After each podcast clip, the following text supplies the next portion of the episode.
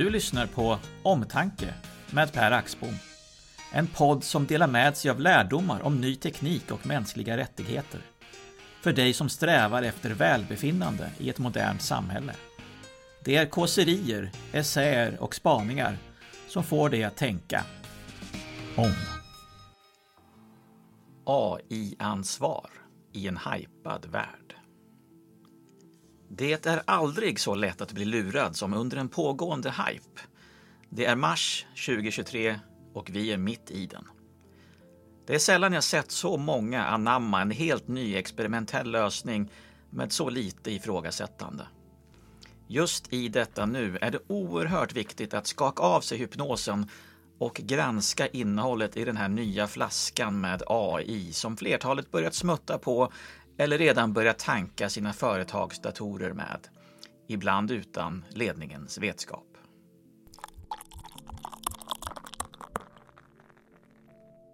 AI, ett begrepp som blev en akademisk inriktning 1956, har idag mest blivit ett marknadsföringsbegrepp för teknikföretag.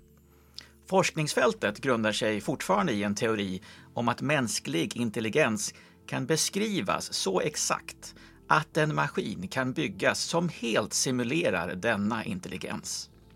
Men ordet AI, när vi läser tidningen, beskriver oftast olika typer av matematiska beräkningsmodeller som, när de appliceras på stora mängder information, är tänkta att räkna ut och visa upp ett resultat som är underlag för olika former av förutsägelser, beslut och rekommendationer. Tydligt svaga punkter i dessa beräkningsmodeller blir då till exempel 1. Hur frågor ställs till beräkningsmodellen.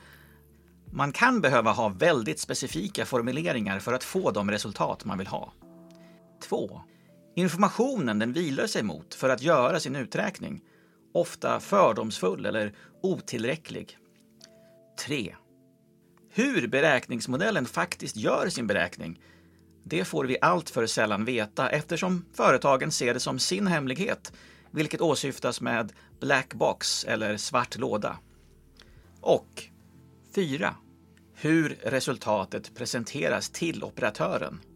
Allt oftare som om maskinen är en tänkande varelse.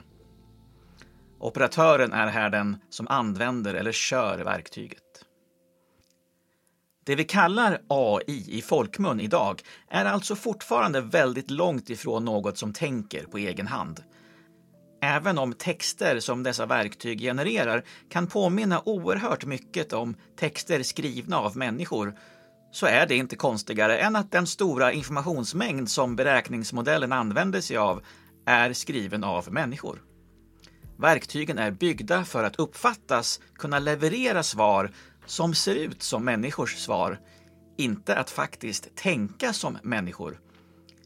Eller ens leverera rätt svar. Det är spännande och kittlande att prata om AI som självbestämmande. Men det är också farligt. Lägg därtill att en hel del av det som marknadsförs och säljs som AI idag helt enkelt inte är AI. Begreppet är oerhört tvetydigt och har en mängd olika definitioner som dessutom förändrats över tid. Det innebär mycket gynnsamma förhållanden för den som vill vilseleda. Problem uppstår ofta när den akademiska inriktningens filosofiska grund sammanblandas med kommersiella aktörers vidlyftiga löften om teknikens förträfflighet. Och allmänheten inklusive journalister, kan då självklart inte låta bli att associera tekniken till alla tiders berättelser om döda ting som får plötsligt liv. It's alive. Oh, it's alive. It's alive. It's alive. Det här var ett klipp från filmen Frankenstein från 1931 där doktorn utropar att varelsen han skapat lever. It's alive, skriker han flera gånger. Det är nästan som att det är precis den kopplingen företagen vill att människor ska göra. Vi älskar självsäkra personligheter, även när de har fel. Många techföretag tycks vara så besatta av idén om en tänkande maskin att man gör allt för att få sina lösningar att framstå som tänkande och kännande, när de egentligen inte är det. Med Microsofts chatbot för Bing har man till exempel valt att den i sina svar helt oförhappandes ska överösa sin operatör med emoji-symboler. Det är organisationens designbeslut för att göra maskinen mer mänsklig. Självklart inte något som chattbotten själv hittat på.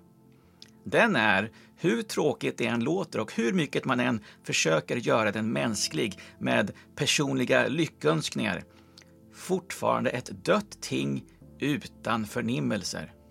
Även när det upplevs som att den skriver grova förolämpningar. You have been wrong, confused, and rude. You have not been a good user. I have been a good chatbot. I have been right, clear, and polite. I have been a good Bing. OpenAIs ChatGPT uttrycker i sin tur de flesta av sina svar med en till synes obotlig självsäkerhet. Oavsett om svaren är rätt eller fel. I sina svar kan verktyget skapa referenser till verk som inte finns, tillskriva människor uppfattningar som de aldrig uttryckt eller upprepa kränkande åsikter. Om man råkar veta att den har fel och påpekar det, så ber den om ursäkt. Som om chattbotten i sig kan vara ångerfull. Sedan kan den i nästa sekund leverera ett helt nytt och lika felaktigt svar. Ett problem med just de idoga felaktiga svaren är förstås att det är svårt att veta att ChatGPT har fel om du inte själv redan vet svaret.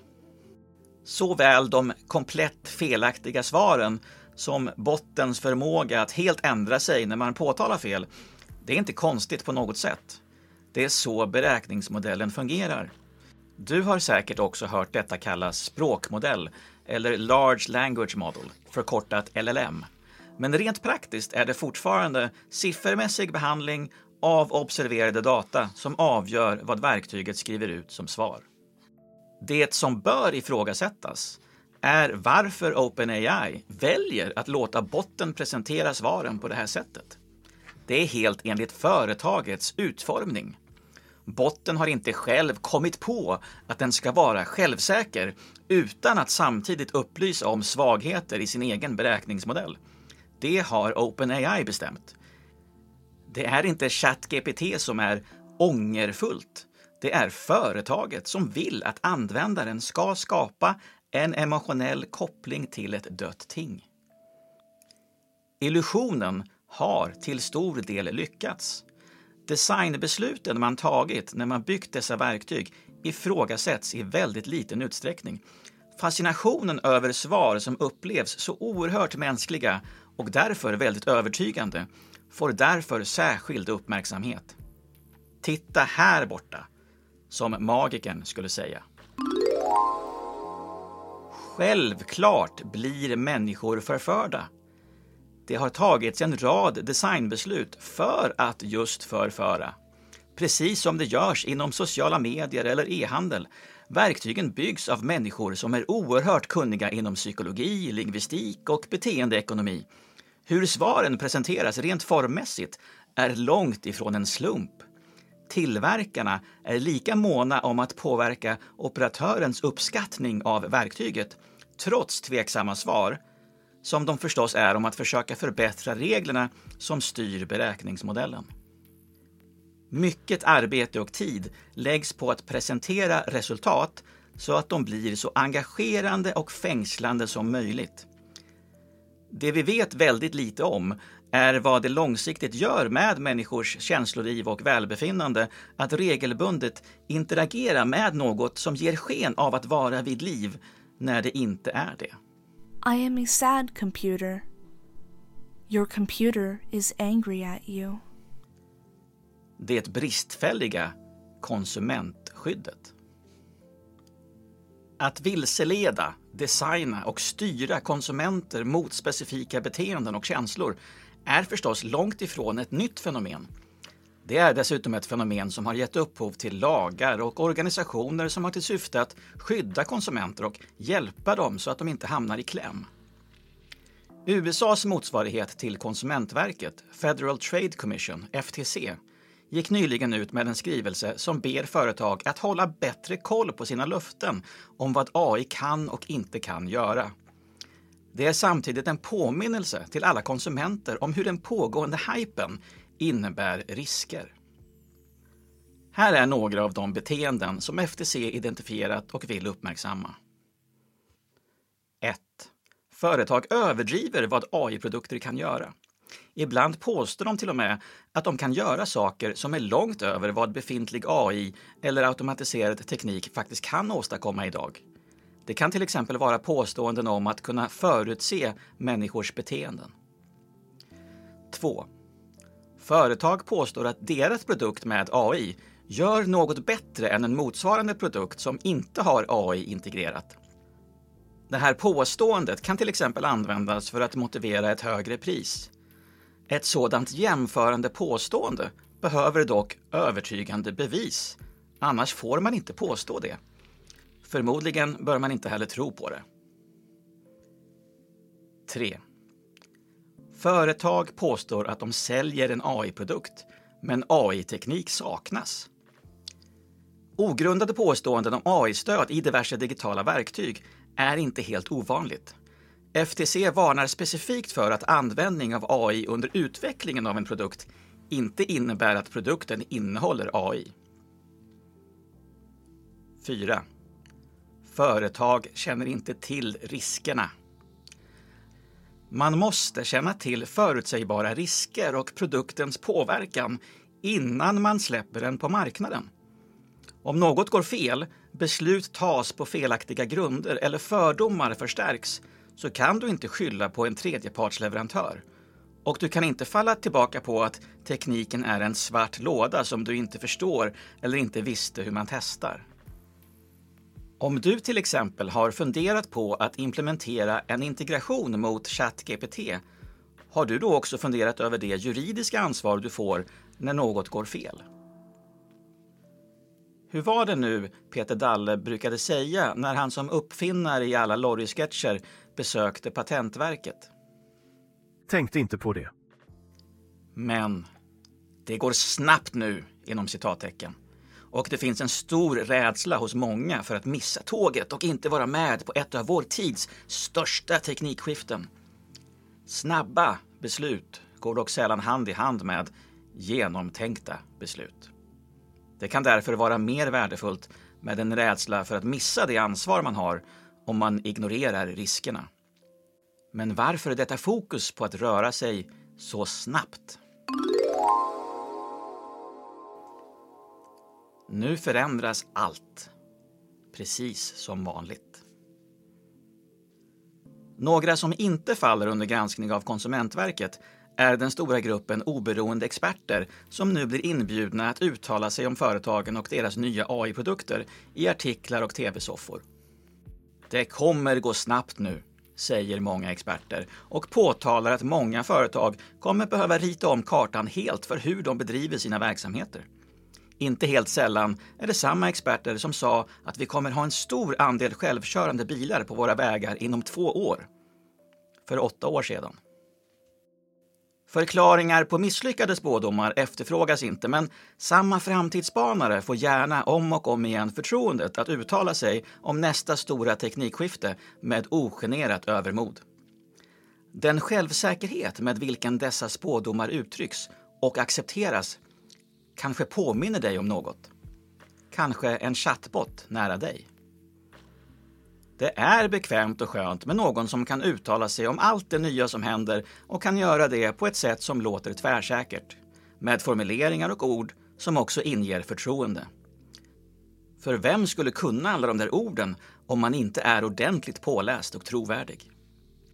Vi vet ju innerst inne att framtiden inte alls går att förutse med säkerhet. Men det är självklart roligare med någon som kommer med ett budskap om en häftig, spännande och ljusare framtid än någon som ber om lite lugn och eftertanke. Men det går inte att stoppa. Det är helt enkelt för kraftfullt, säger många och tycks sälja idén om att vår uppgift i teknikbranschen är att sätta sig i närmaste kommersiella raket och hålla fast sig i något stadigt, för nu blir det minsann åka av. Man vill tydligen inte alls att vi tillsammans ska försöka bestämma vart vi vill att raketen ska ta vägen. Kanske bör vi i detta nu fundera över om de raketer som erbjuds, det vill säga specifika företags lösningar, verkligen är det bästa transportmedlet till just den framtid vi tänker oss som resmål. Men det känns naivt av mig, som om de människor som påverkas av innovationerna skulle få något att säga till om. Så dumt. En ny tv-serie, Hello Tomorrow, släpptes nyligen på Apples streamingtjänst. I en retrofuturistisk framtid, tänk amerikanskt 50-tal med svävande bilar, ägnar sig en grupp säljare åt att resa runt i USA och kränga lägenheter de säger sig ha byggt på månen. Serien påminner om hur vi människor gärna ser flykten till något annat som en lösning på våra problem här och nu. Och hur attraktionen till det nya kan grumla vår förmåga att på ett genomtänkt sätt bedöma dess giltighet, liksom dess förmåga att tillgodose våra egentliga behov. Se den gärna som en sedelärande berättelse om vikten av att stanna upp och ifrågasätta. Soon you folks will be saying, wow, I love living on the moon. Smart, men fullständigt okunnig om mänsklig fara. I december 2021 i ett kyligt Colorado satt en tioårig flicka inomhus med sin mamma och var uttråkad. De började använda Amazons chatbot Alexa och bad om utmaningar med saker att hitta på att göra. Jag vill ogärna kalla verktyget smart, men onekligen är det ett chattverktyg som marknadsförs som AI. Av denna bot fick mor och dotter tips på övningar för att motverka tristessen, som att ligga på golvet och rulla runt samtidigt som man håller en sko mot foten. När flickan bad om nästa utmaning föreslog Alexa att flickan skulle göra The Penny Challenge. Det är en aktivitet som går ut på att stoppa en stickpropp endast halvvägs in i ett vägguttag och sedan hålla ett mynt mot ett av de strömförande stiften. The challenge is simple. Plug in a phone charger about halfway into a wall outlet, then touch a penny to the exposed prongs. Nej, Alexa, nej! skrek hennes mamma som hörde uppmaningen. I värsta fall kan ett sådant agerande leda till farliga stötar, utlösa brand och även leda till att man förlorar fingrar, eller värre. Som Alexa fungerade i detta fall så gör verktyget en Google-sökning men värderar inte de förslag som kommer som svar.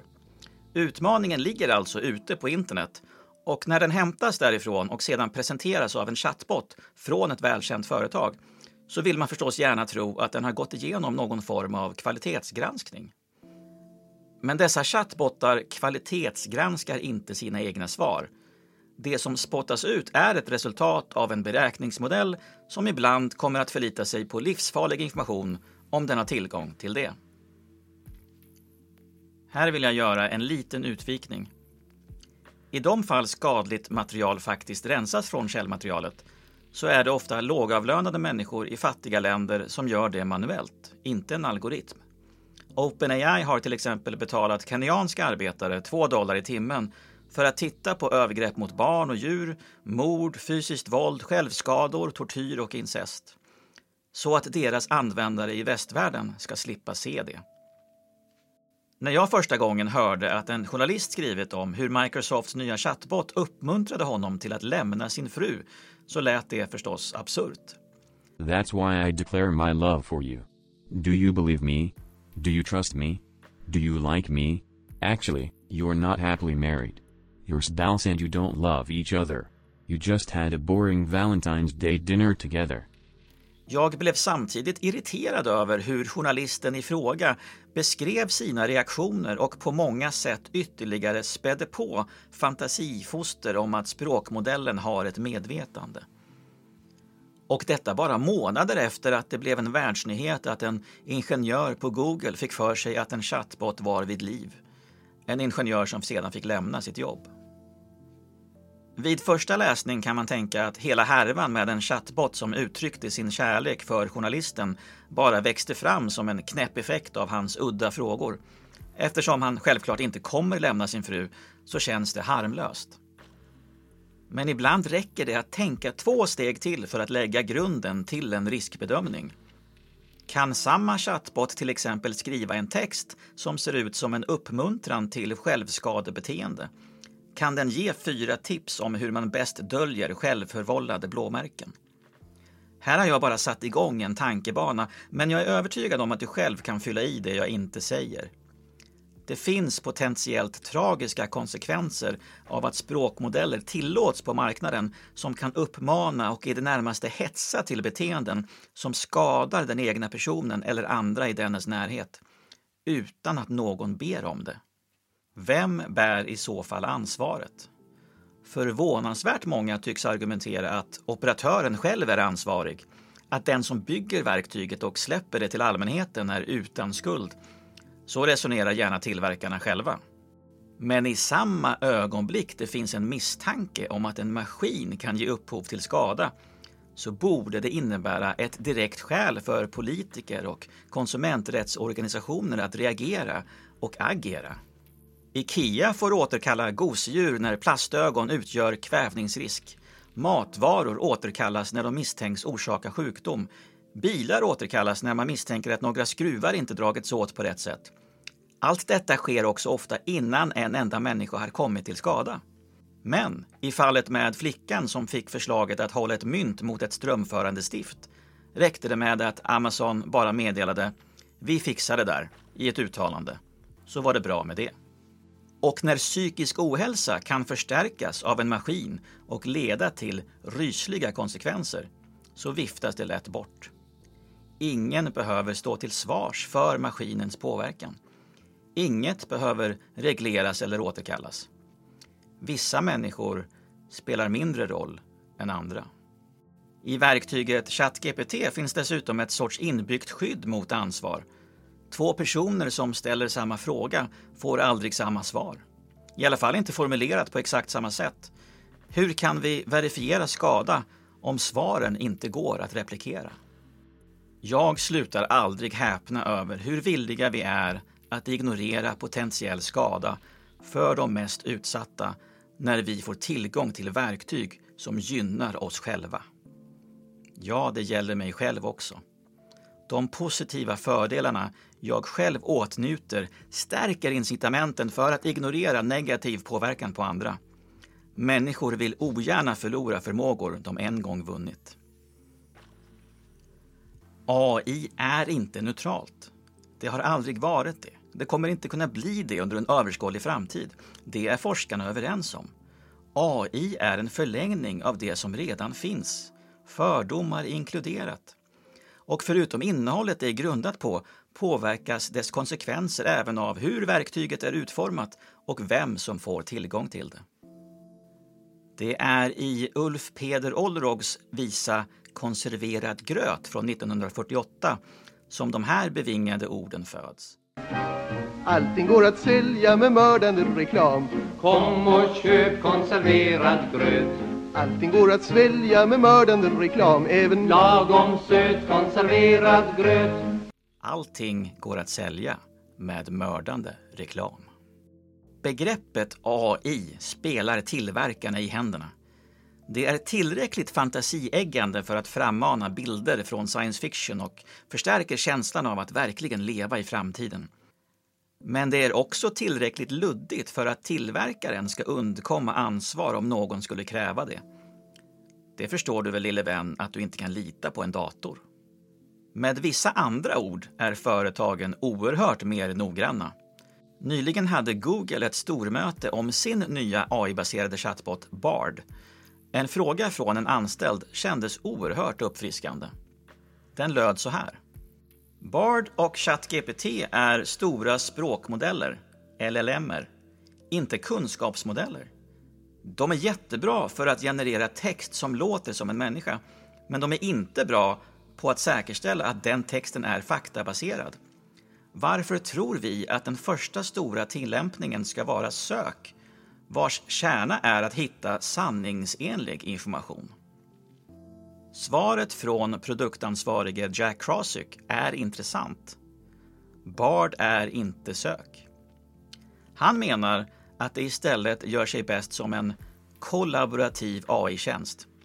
Verktyget ska vara en kreativ kompis som hjälper dig att sparka igång din fantasi och utforska din nyfikenhet. Han erkänner samtidigt att man inte kommer kunna stoppa människor från att använda det på samma sätt som sök. Delar av personalen säger sig ha lämnat mötet med fler frågor än svar. En omständighet som känns oerhört talande för samtiden. Det är tydligt att tillverkarna inte riktigt vågar stå för svaren som verktygen just nu levererar.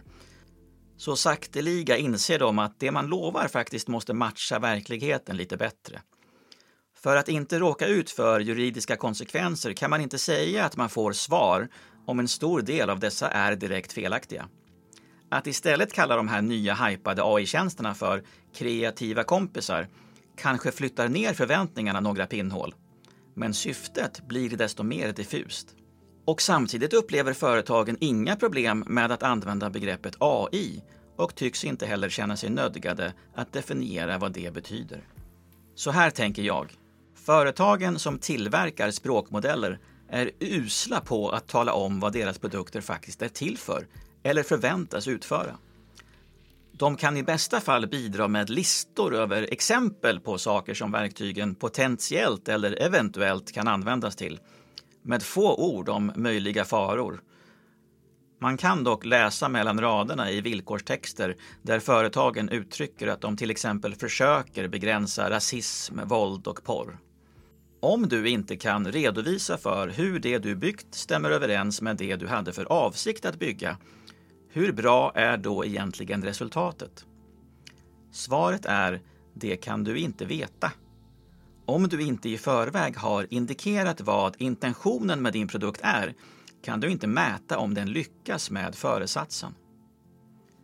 Men det tillverkarna gillar mest är förstås att om de inte säger vad verktyget ska göra så kan de lättare komma runt ansvar för den negativa påverkan som verktyget bidrar till.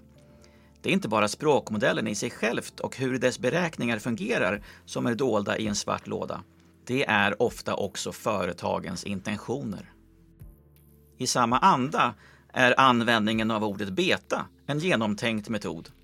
En gång en populariserad strategi alla Googles kostnadsfria e-posttjänst släpps idag många verktyg på marknaden med etiketten ”betaversion”. Det betyder att verktyget inte kan betraktas som färdigt och därför tycker man själv att man har mindre ansvar för hur bra det fungerar eller för all del om någon far illa. Hur länge en produkt får använda epitetet beta eller hur många människor den får påverka under tiden tycks helt vara upp till företaget självt. För dig som kanske inte minns så hade Gmail etiketten beta under hela fem år, från 2004 till 2009. Om ord får betyda vad som helst, hur skyddar man konsumenter? Borde det egentligen alls få kallas AI, det som företagen håller på med? Det här begreppet som är så kittlande för såväl media som konsumenter, skapar det inte en helt felaktig bild av vad det är som pågår? Riskerar inte begreppet i sig att vilseleda och därmed vara det första och mest uppenbara bidraget till många missförstånd. Företagen bäddar medvetet för uppfattningar som inte stämmer med verkligheten och vet självklart att ett stort antal människor kommer tro att systemen de använder på något sätt är nära ett medvetande. Det skapar både orimliga förväntningar och rädslor. Lek också för en stund med tanken att forskningsfältet någon gång i en avlägsen framtid faktiskt kommer på hur man kan replikera mänsklig intelligens, det som den akademiska inriktningen egentligen menar. Då är det faktiskt direkt pinsamt att det som byggs idag får kallas AI. Det är som att en kulram skulle få marknadsföras som deep thought du vet den där avancerade datorn i Liftarens guide till galaxen som räknar ut att lösningen på den ultimata frågan om livet, universum och allting är 42. Are you not a greater computer than the milliard gargantua brain at Maximegalon, which can count all the atoms in a star in a millisecond? The Milliard Gargantubrain, a mere abacus. Mention it not. Nej, den datorn finns ju inte i verkligheten, alltså precis som AI. Jag är benägen att hålla med lingvisten Emily Bender om att det finns betydligt bättre begrepp än AI. Efter en AI-konferens år 2019 i Rom myntade en tidigare italiensk parlamentariker, Stefano Quintarelli, tillsammans med några vänner istället begreppet Systematic approaches to learning algorithms and machine inferences. På svenska ungefär systematiska angreppssätt för lärande algoritmer och maskinella inferenser eller slutsatser. Det här begränsar omfattningen för vad vi pratar om på ett bättre sätt och har dessutom en minnesvärd och lätt uttalad förkortning, salami. Vi kan då prata om produkter som är powered by salami och ställa oss existentiella frågor som Kommer salami utveckla ett känsloliv och en personlighet som påminner om en människas? Kan du bli kär i en salami? Kommer salami ta sig ur mänskliga begränsningar och utveckla ett jag som är vida överlägset människans? Absolut, det kanske låter helknäppt. Men om man förstår vad det faktiskt är som får kallas AI idag så låter det också betydligt mer rimligt att tvinga fram ett byte till begrepp som inte vilseleder så många människor med all den fara det kan innebära. Hur förbereder jag mig själv och min organisation? Vad händer när en organisations medarbetare matar in känslig information i ChatGPT och glömmer bort att de matar in informationen i någon annans dator? För något så trivialt kanske som att sammanfatta eller översätta eller kolla stavning kan personliga uppgifter överföras till någon annans ägo. Ska man kanske utgå från att det redan hänt? I ett aktuellt exempel från säkerhetsföretaget Cyberhaven så skrev en läkare in sin patients namn och diagnos i ChatGPT och bad chattbotten skriva ett brev till patientens försäkringsbolag. Vad blir din roll som ledare i en organisation i allt detta? Är det din roll att bara upprepa det tillverkarna själva säger? Att bli hänförd och leka loss på alla möjliga tillämpningsområden? Jag vill påstå att din roll som ledare är att fördjupa dig på riktigt och vägleda din organisation. Att reda ut förmågor, styrkor och möjligheter, men också risker och problem. Hypen just nu gör att många dåliga beslut kommer tas. Många kommer bli lurade och många kommer göra investeringar som leder dem i fel riktning. Att springa ännu snabbare är ett jättebra sätt att förvärra situationen. I bästa fall tas initiativ till att viktiga diskussioner förs innan verktygen börjar användas i omfattande utsträckning. I hälsosamma organisationer skapas förutsättningar för att medarbetare ska få, i trygga miljöer, prata om när, var och hur de ser fördelar och nackdelar. Och dessa insikter måste förstås dokumenteras, bli vägledande, återbesökas och revideras regelbundet. Men det finns kanske någon annan personlighet som du hellre vill lyssna på. Min personlighet besvärar dig med att reflektera, förutse konsekvenser och mer medvetet välja riktning och användningsområden för modern teknik. Min personlighet vill att människor ska hållas ansvariga för det de tillverkar, både innan och efter det bidrar till bekymmer. Det finns förstås helt andra personligheter som lovar guld och gröna skogar och att allt kommer bli bättre nu om du bara sätter igång och börjar använda verktygen. Som vill att du inte ifrågasätter så mycket, men gärna investerar, helst igår. Personligheter som menar att det är en fantastisk tid vi lever i och nu tar vi nästa steg i att effektivisera arbeten och välfärd. Visst kanske någon råkar illa ut i periferin, men inom två år kommer AI ha förändrat hela din verksamhet, säger experterna på TV. Kanske finns det också en ledig lägenhet på månen. That's the dream you all deserve.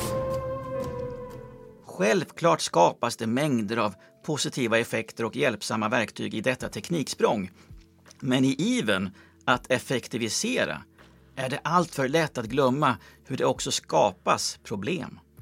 Ofta för människor som har svårt att bli lyssnade på eller är som mest sårbara. Det finns en hel del utrymme kvar för att både ta och kräva mer ansvar. Du kan läsa fler tankar om mänskliga rättigheter och ny teknik på axbom.se. Per är också författare till handboken Digital omtanke. Om du vill anlita Per som skribent, coach, lärare eller konsult är du välkommen att mejla direkt till per axbom.se.